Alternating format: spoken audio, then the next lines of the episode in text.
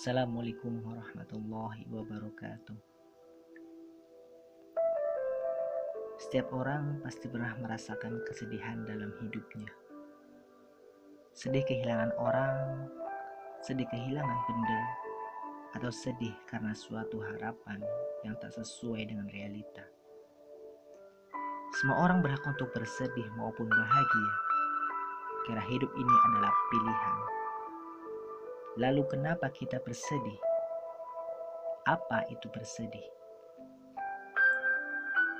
Dalam ilmu psikologi, sedih merupakan salah satu bagian dari emosi.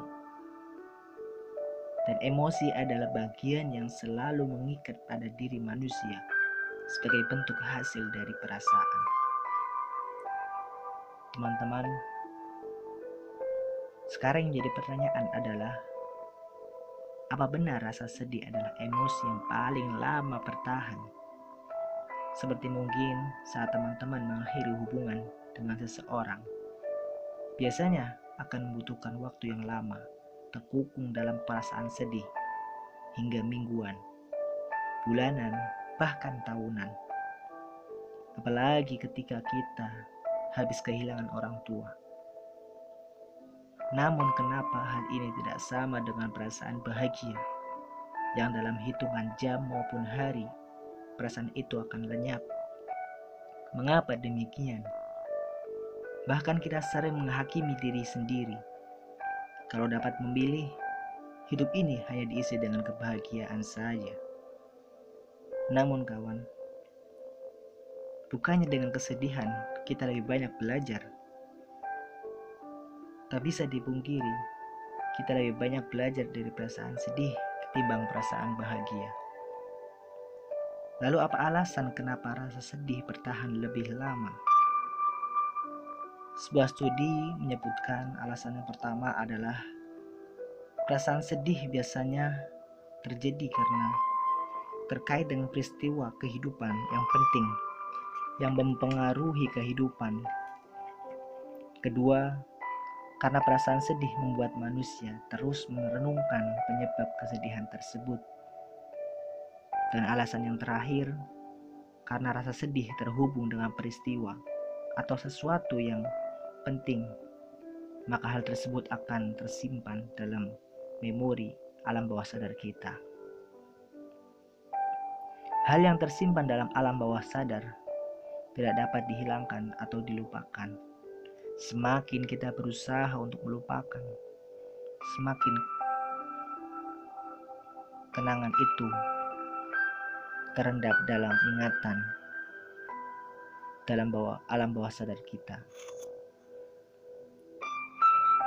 Katanya, sesungguhnya bersama kesulitan ada kemudahan.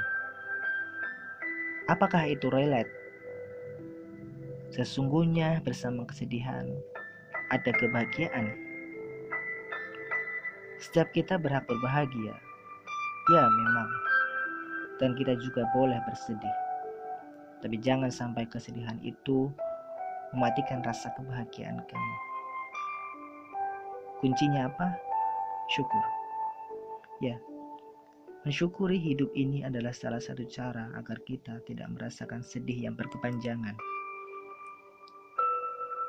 Allah yang menciptakan kebahagiaan dan kesedihan agar manusia menyadari nikmatnya kebahagiaan sehingga ia bersyukur dan berbagi. Dan sempitnya kesedihan diciptakan agar ia tunduk bersimpah di hadapan Allah yang maha rahmat dan maha mengasihi. Serta tidak menye serta tidak menyombongkan diri hinggalah ia mengadu harap di hadapan Allah, merendam dan merengek di hadapan Allah, bersimpah pasrah kepada Tuhan yang Maha Penyayang. Oleh sebab itu, tidaklah tercela bila seseorang merasa sedih, karena sedih itu adalah naluri, tak ada salahnya. Namun yang tercela adalah ketika kesedihan itu membuat kita pada keputusan dan membenci akan takdir yang telah digariskan oleh Allah. Sedih adalah salah satu fitrah manusia. Sedih adalah sifat atau perasaan yang diberikan Allah untuk melengkapi manusia sebagai manusia yang sempurna.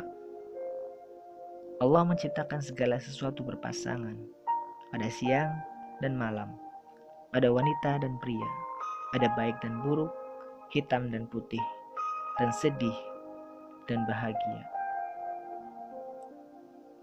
Jadi, tidak mungkin jika seseorang tidak pernah mengalami kesedihan sepanjang hidupnya. Permasalahannya adalah bagaimana cara manusia tersebut mengatasi rasa sedihnya itu. Setiap orang tentunya punya cara masing-masing dalam mengatasi rasa sedih. Semua tergantung dari penerimaan manusia itu sendiri. Mungkin ada orang yang begitu tegar dalam menerima musibah. Mungkin ada orang yang tidak bisa menerima musibah tersebut. Allah tidak membebani seseorang kecuali sesuai dengan kemampuan orang tersebut. Seorang cendekiawan muslim Al-Kindi menawarkan solusi dalam mengatasi kesedihan tersebut. Yang pertama, memahami sifat dasar dari kesedihan, yakni membedakan apakah kesedihan itu timbul akibat dari perbuatan sendiri ataukah ditimbulkan dari perbuatan orang lain. Yang kedua, berusaha untuk mengingat-ingat dan menyadarkan diri bahwa apa-apa yang kita miliki dan alami yang mengakibatkan kesedihan pernah dialami juga oleh orang lain. Dan pada akhirnya, kehilangan tersebut dapat diterima dan kesedihan itu akan dapat kamu kendalikan. Yang ketiga, berupaya untuk menyadarkan diri bahwa keinginan kita untuk tidak pernah tertimpa bencana, kehilangan yang menimbulkan kesedihan adalah sama dengan menginginkan bahwa kita tidak pernah ada di dunia atau menginginkan sesuatu yang tidak mungkin. Hal ini setidaknya harus dipahami karena bencana merupakan konsekuensi akibat logis dari kefanaan. Temanku, yang kini sedang merasakan sedih, ya, luapkanlah kesedihanmu dengan air mata. Namun ingat teman, engkau juga harus ingat bahwa kau juga harus berhak untuk bahagia. Maka, lekaslah bangkit, lekaslah untuk menjalani kehidupan selanjutnya yang lebih baik.